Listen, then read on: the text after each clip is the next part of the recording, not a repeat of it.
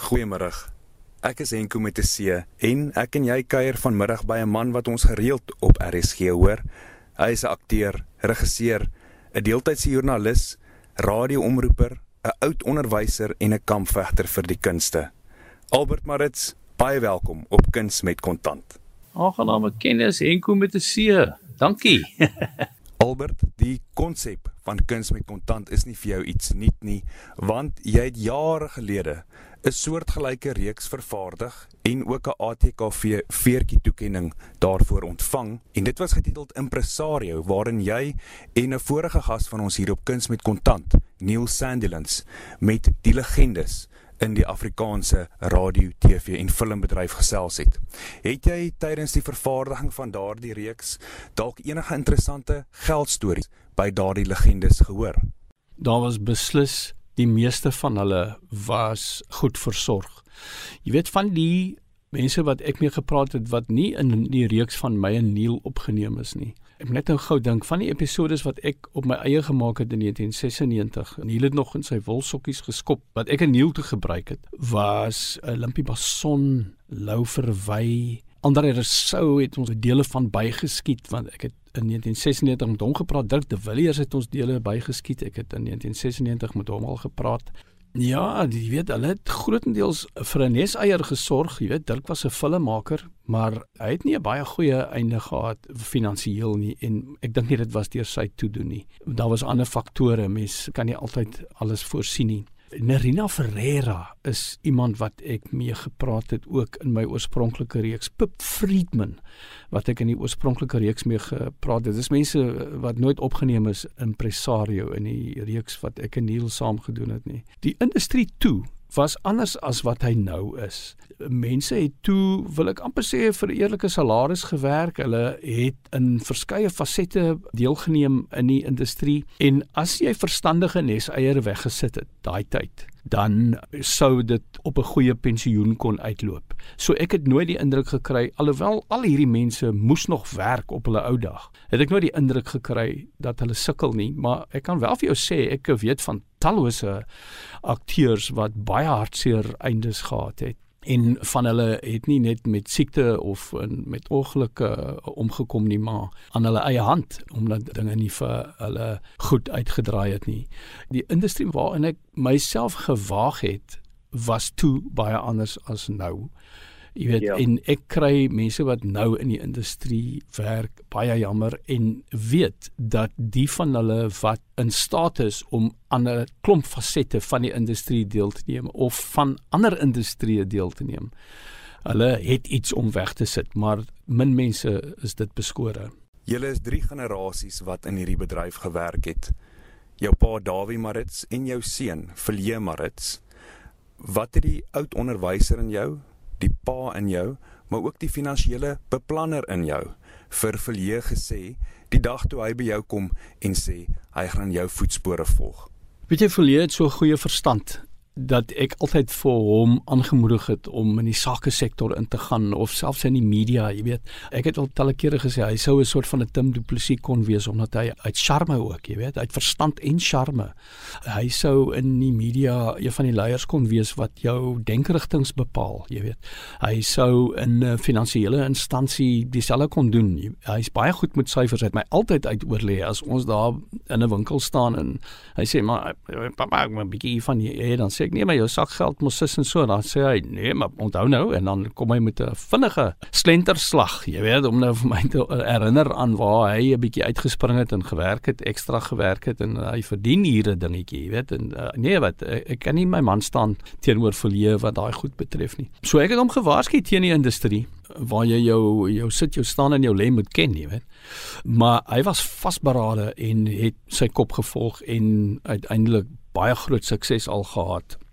So gepraat van sukses, jy het ook groot sukses behaal in jou lang loopbaan met bekende en bekroonde produksies soos Faan se trein en daar was Faan se stasie, daar was ook Arende gewees, Feast of the Uninvited en in die vroeë 90er jare natuurlik Konings en Torings as ook Igoli. Sou jy sê dat dit daardie aanvanklike televisiereekse in die vroeë 90er jare was soos Konings en Igoli wat jou bekend gemaak het?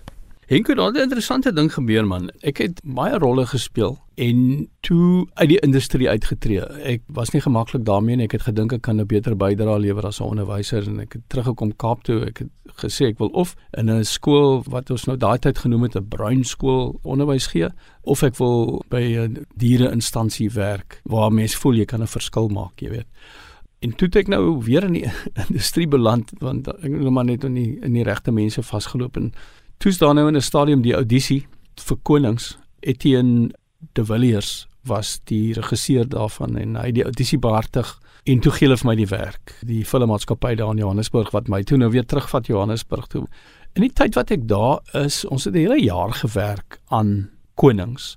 En in die tyd wat ek daar was het ek ook betrokke geraak by Igoli.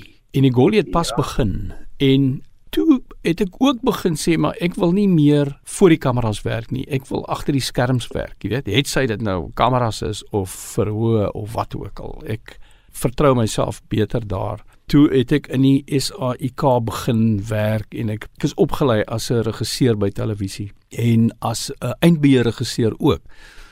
Ek het daar in die gange rondgeloop toe in die begin daar waar mense nou vir my geleenthede gegee het om op 'n klein manier betrokke te raak agter die skerms van televisie. Toe is Konings en Egoli skielik altoe op die lig, nê, en toe het ek huis toe gegaan en vir my vrou gesê ek dink ek het my tickets gehad, jy weet, want ek groet nou maar net almal, want daar's nou oral waar ek gaan groet mense my en een van die slegste persoonlikheidstrekke wat ek het, ek dink ek is op 'n spectrum of sorts erns, maar ek vergeet soms gesigte, ek vergeet soms name, jy weet. En dit maak dit baie ongemaklik, dit maak mense dink jy is arrogant want jy groet hulle nie. So ek het maar net daar aan die gange van die SAIK op en afgeloop. Ek weet nie jy weet daar's baie mense wat daar werk en ek het net almal gegroet want ek het net besef jy weet hier gaan ek op baie ongewild raak. Van gewildheid na ongewildheid.